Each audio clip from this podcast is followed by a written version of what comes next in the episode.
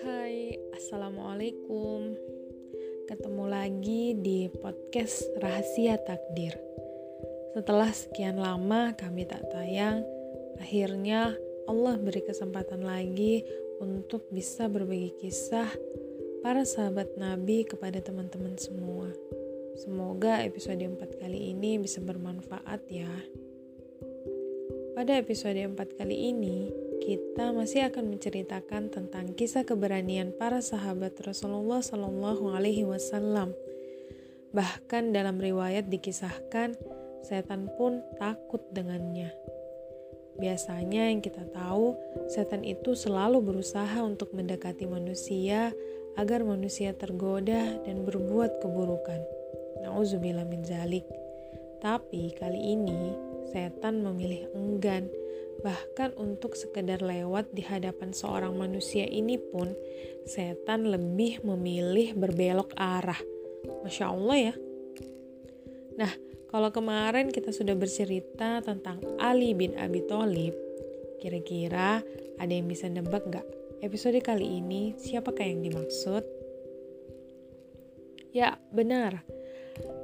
Kisah kali ini datang dari salah seorang sahabat Rasulullah seorang Amirul Mukminin yaitu Umar bin Khattab radhiyallahu an yang kemudian masyhur dikenal sebagai sang pembela din Islam.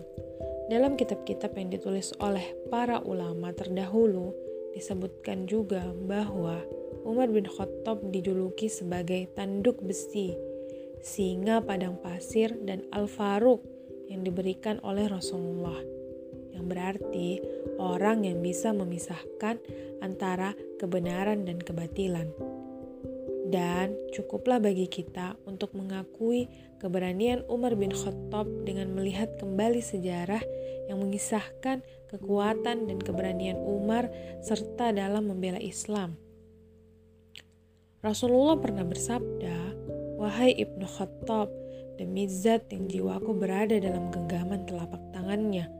Tidaklah setan bertemu denganmu ketika melewati jalan, kecuali pasti dia akan mencari jalan yang lain yang tidak engkau lewati. Hadis riwayat Bukhari dan Muslim.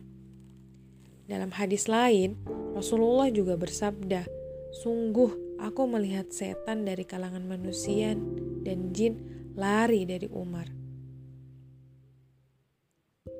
Penyebab takutnya setan kepada Umar bin Khattab ialah bukan hanya dikarenakan keberanian yang dimiliki Umar, namun karena Umar dikenal memiliki iman yang kokoh dan tidak mau terperdaya oleh urusan dunia, sehingga apa pun rayuan setan tidak akan berpengaruh pada Umar.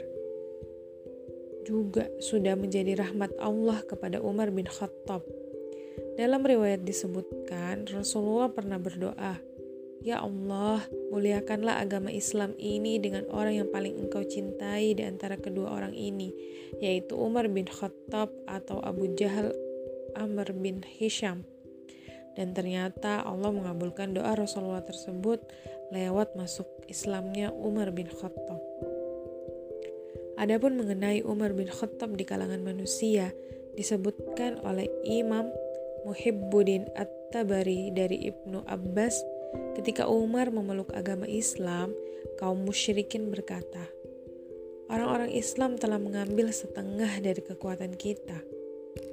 Dalam riwayat lain juga, Ibnu Mas'ud berkata, Dahulu kami tidak mampu mengerjakan sholat di sekitar Ka'bah, tetapi saat bersama Umar, kami dapat melaksanakannya.